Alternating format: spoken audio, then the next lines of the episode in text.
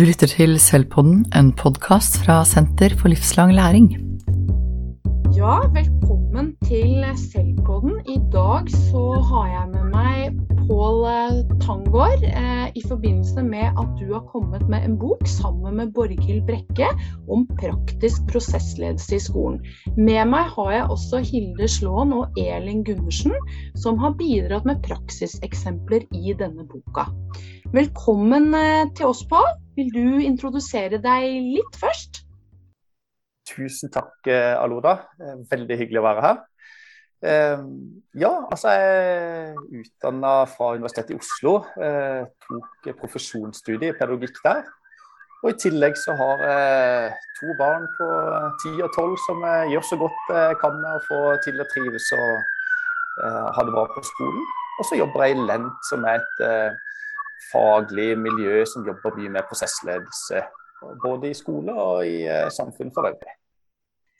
Og så er det jo sånn, Pål, at eh, du har jo nå kommet med en ny bok. Eh, og Kan du si litt om bakgrunnen for den boka? Hva er prosessledelse i skolen? Og hvorfor trenger lærere og rektorer å vite mer om det?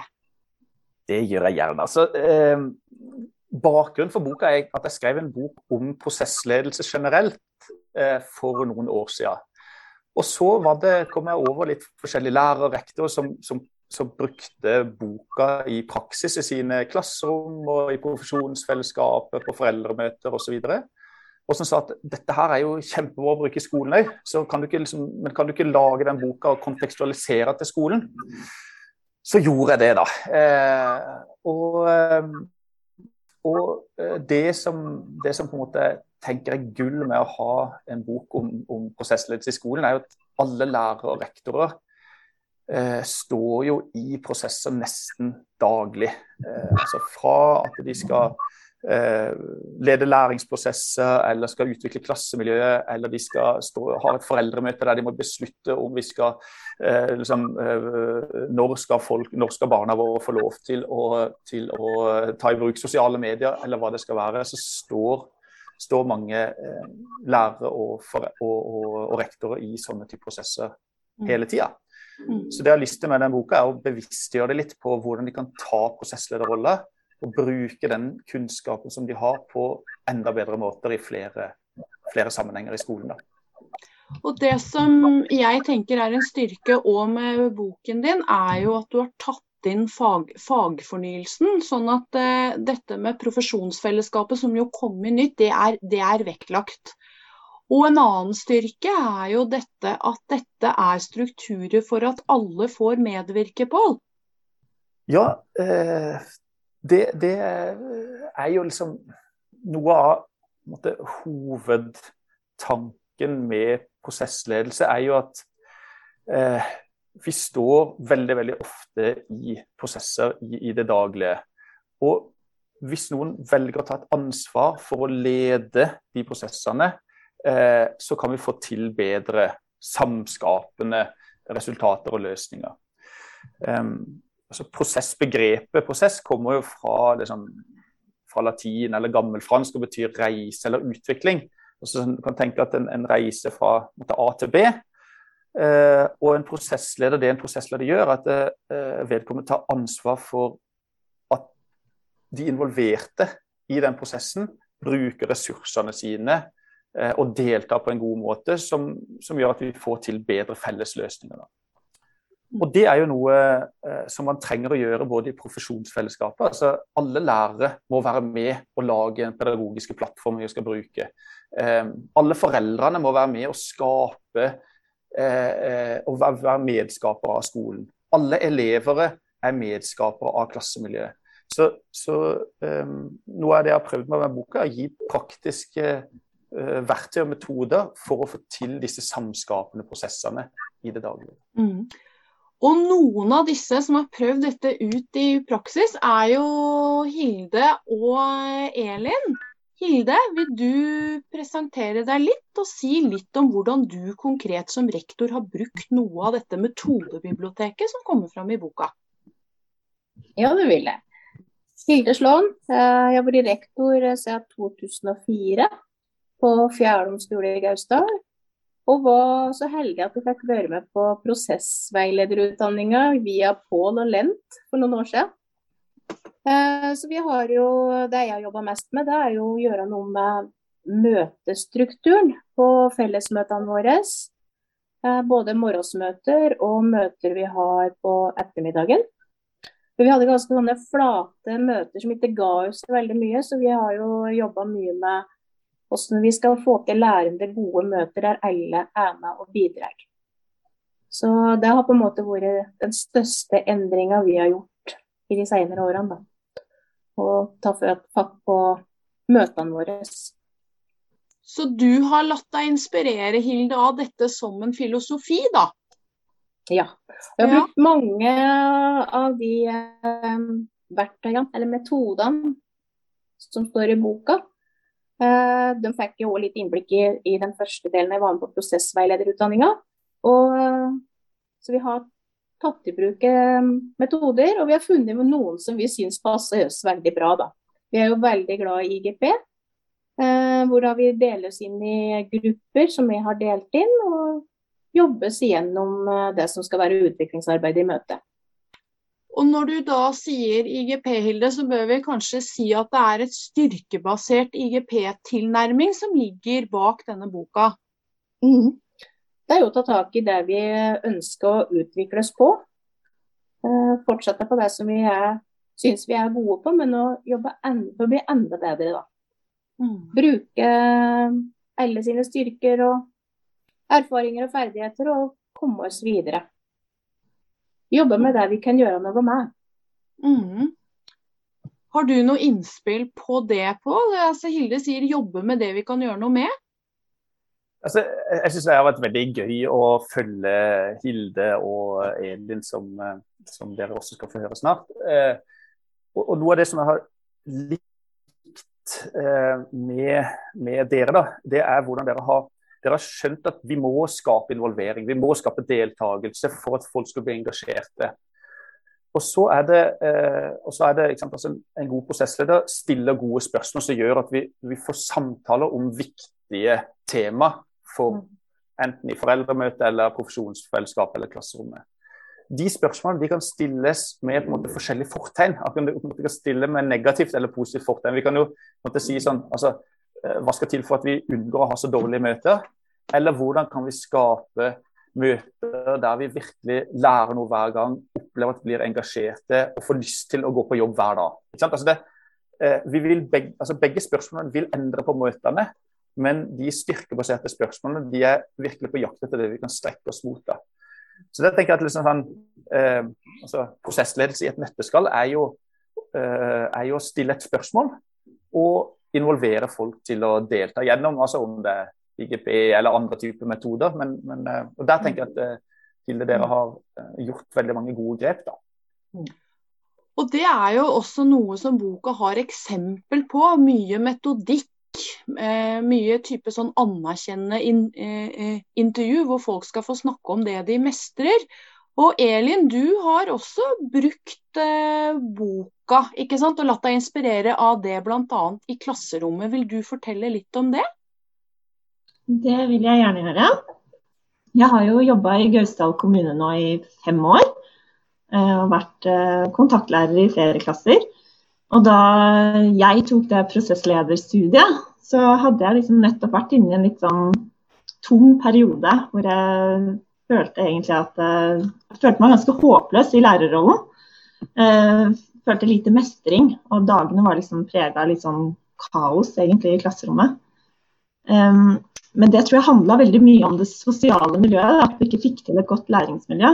Så jeg klarte på en måte å snu litt tankegangen min og starte en prosess hvor vi liksom skulle bygge det her gode, gode klassemiljøet. Og da måtte vi tenke litt nytt. måtte starte med blanke ark. Og veldig viktig da å få med hele klassa på, på denne prosessen.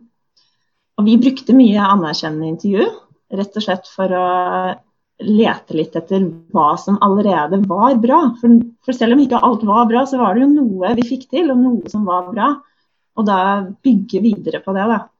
Og så skapte vi oss en, um, en drøm. Eh, vi starta rett og slett et drømmeklasseprosjekt.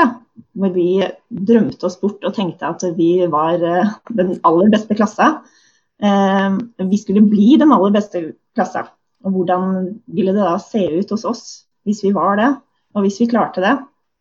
Og ved å da ta utgangspunkt i det elevene fikk fortelle om gode opplevelser, og bruke det til å utvikle oss, da, så, så hadde vi også en drøm å strekke oss etter.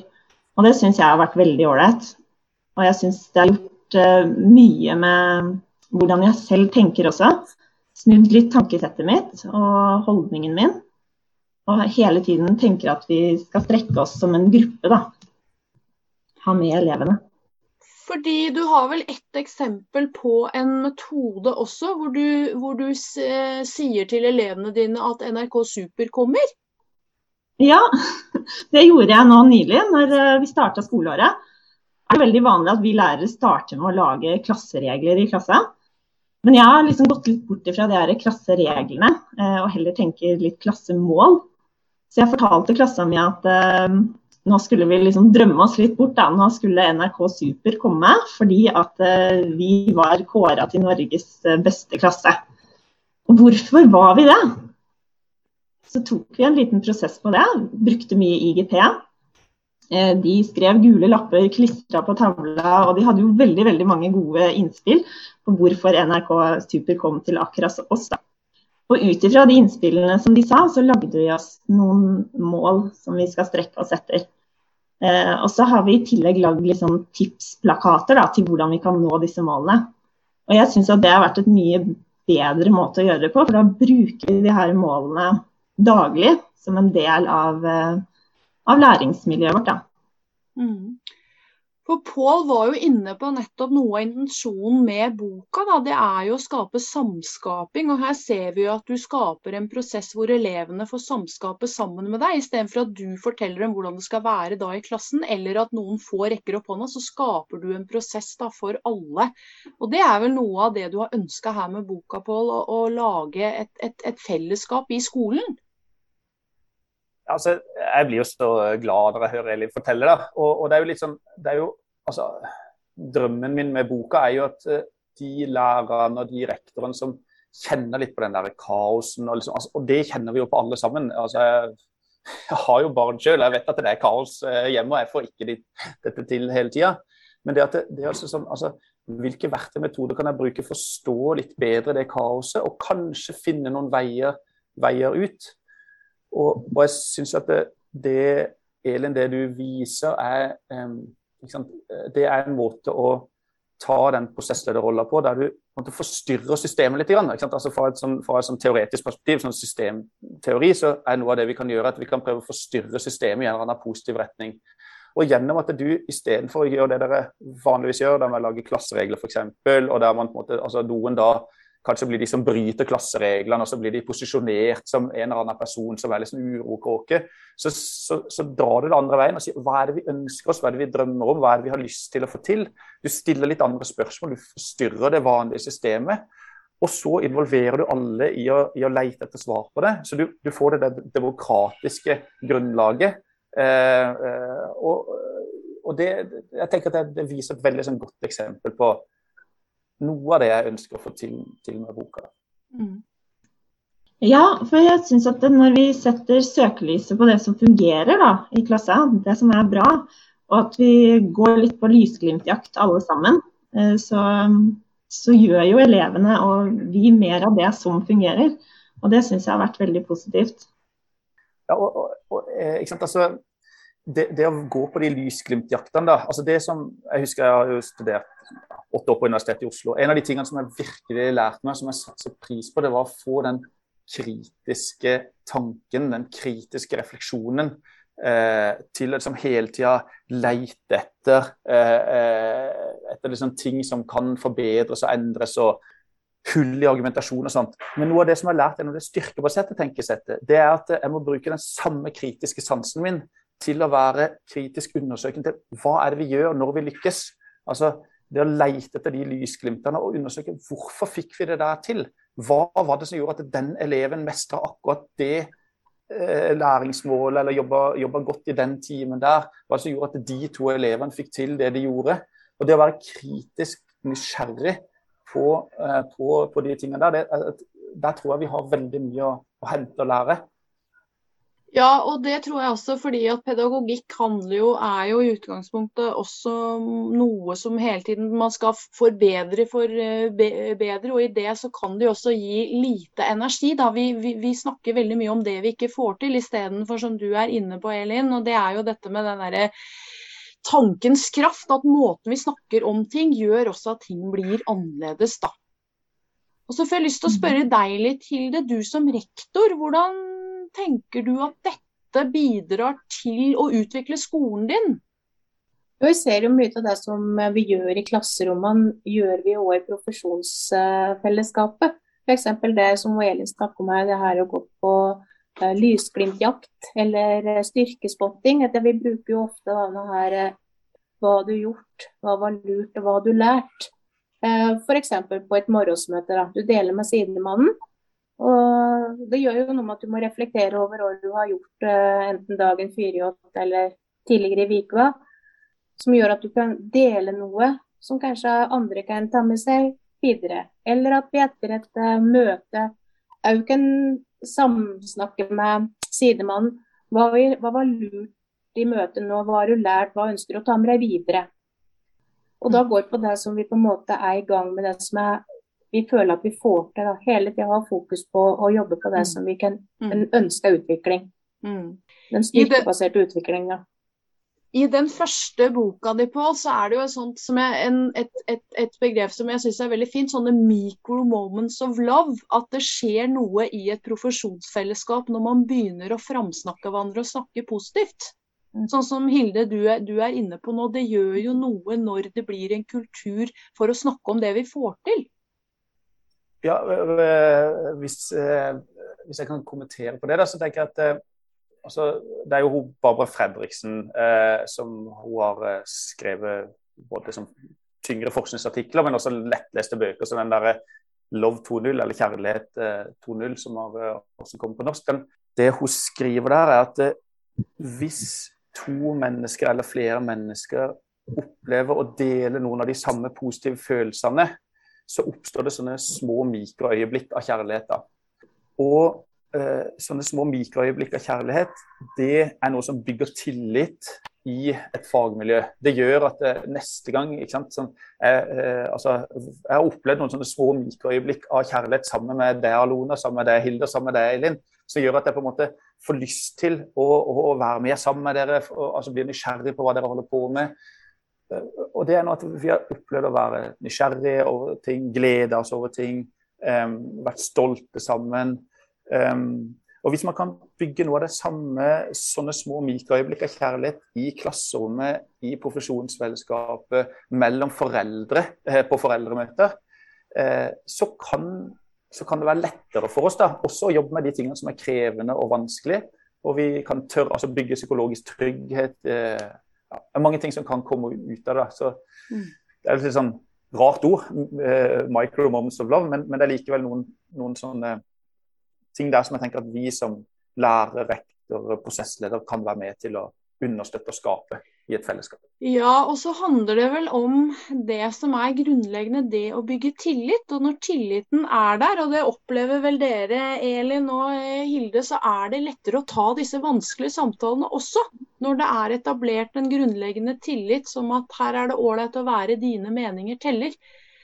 For det vi også vet med, med profesjonsfellesskap f.eks., er jo at det at kunnskapen er ofte taus. Og for at taus kunnskap skal deles, så må det være et fundament av eh, tillit. Og Sånn sett så er jo også denne boka eh, en, veldig fint nå som profesjonsfellesskapet er kommet mer inn i skolen. At det er prosesser som kan fremme det. Ja, vi skal oppsummere litt eh, sammen. Eh, Hilde og Elin, eh, hva tenker dere at er viktig for de lærerne og rektorene som har lyst til å prøve ut dette? Jeg tenker det er viktig at de bare kaster seg ut i det. fordi at eh, vi alle får til noe som er bra, men det er bare det å begynne å reflektere litt over hva er det vi gjør som er bra, og kanskje dele det med en kollega. Og kunne ja, dele litt erfaringer. Um, og så bygge seg opp fra der, egentlig. Um, kjøre på med masse medvirkning i klasserommet. Få høre hva elevene tenker, for det er utrolig mye gode ideer og tanker uh, i klasserommet. Og der er det jo, det må vi også si, at i den boka finnes det jo veldig mye metodikk ikke sant, til det, som man kan mm. se på. Ja, og der tenker jeg at man må, man må finne det som, og prøve ut det som en tror passer inn i, i sitt uh, profesjonsfellesskap. Uh, det kan jo ikke gå gærent, men det, er jo noe som en kjenner passer bedre inn enn andre metoder. Og begynn i det små. Begynn gjerne med sånn uh, to og to i en spes start på et, uh, som en innsjekk på et møte. Lag små grupper, slik at alle stemmer kan bli hørt. Det er lettere å prate da enn at du gjør det i store, store grupper. Veien blir til mens den går. Uh, og så bruk og ta tak i det som en føler at vi er gode på, og bygg videre på det. Det du kan få gjort noe ved. Mm. Pål, hva, hva, tenker du er viktig å oppsummere nå på slutten? Altså, eh, det som er altså Hvis jeg skulle gitt ett råd da, til rektor og, og lærer og skoleleder rundt omkring, eh, så tror jeg det ville vært å eh, jobbe ordentlig godt med å finne hvilket spørsmål er det du har lyst til å virkelig få svar på i klasserommet, i foreldremøtet, i profesjonsfellesskapet eller hvor det er hen. Altså, for jeg tror Hvis jeg fort gjort går inn f.eks. For i foreldremøtet, så, så er det litt sånn så skal vi lede foreldremøtet. Så tenker jeg liksom, hva, hva eh, eh, eh, hvordan skal vi nå jobbe med liksom, det eh, sosiale fellesskapet i klassen? da? Så, så spør man det. Så hva tenker dere, hva, hva, er bra eller dårlig med det sosiale fellesskapet? Hva kan vi gjøre? Men hvis man heller, altså, hva er det jeg virkelig ønsker eh, med disse foreldrene? Hva er det jeg virkelig ønsker med klassen min? Så kanskje spørsmålet kan være mer sånn altså, hvordan kan, hvordan kan alle foreldre blir engasjert til å skape et, eh, et miljø der alle elevene våre opplever læringsglede. da, Hvis det er det du ønsker det. Altså Finn det spørsmålet som du virkelig ønsker å få svar på, eh, og jobb litt med det. Og så tror jeg det er sånn som Hilde sier, involver flest mulig i det. Og sånn som Elin sier, leit etter de eksempler, de lysglimtene vi allerede har, og bygg videre på det. Så altså, Jeg tror at det er veldig enkle grep som kan bidra til å skape ganske store forandringer og så må vi oppfordre folk til å lese boka, fordi det er jo et eh, stort eh, metodebibliotek der. Og mye inspirasjon til det du på snakker om som kraftfulle spørsmål. Som kan være med å flytte fokus. Pål Tangård, Hilde Slåen og Elin Gundersen, tusen takk for at dere kom til oss og delte deres erfaringer. Tusen takk.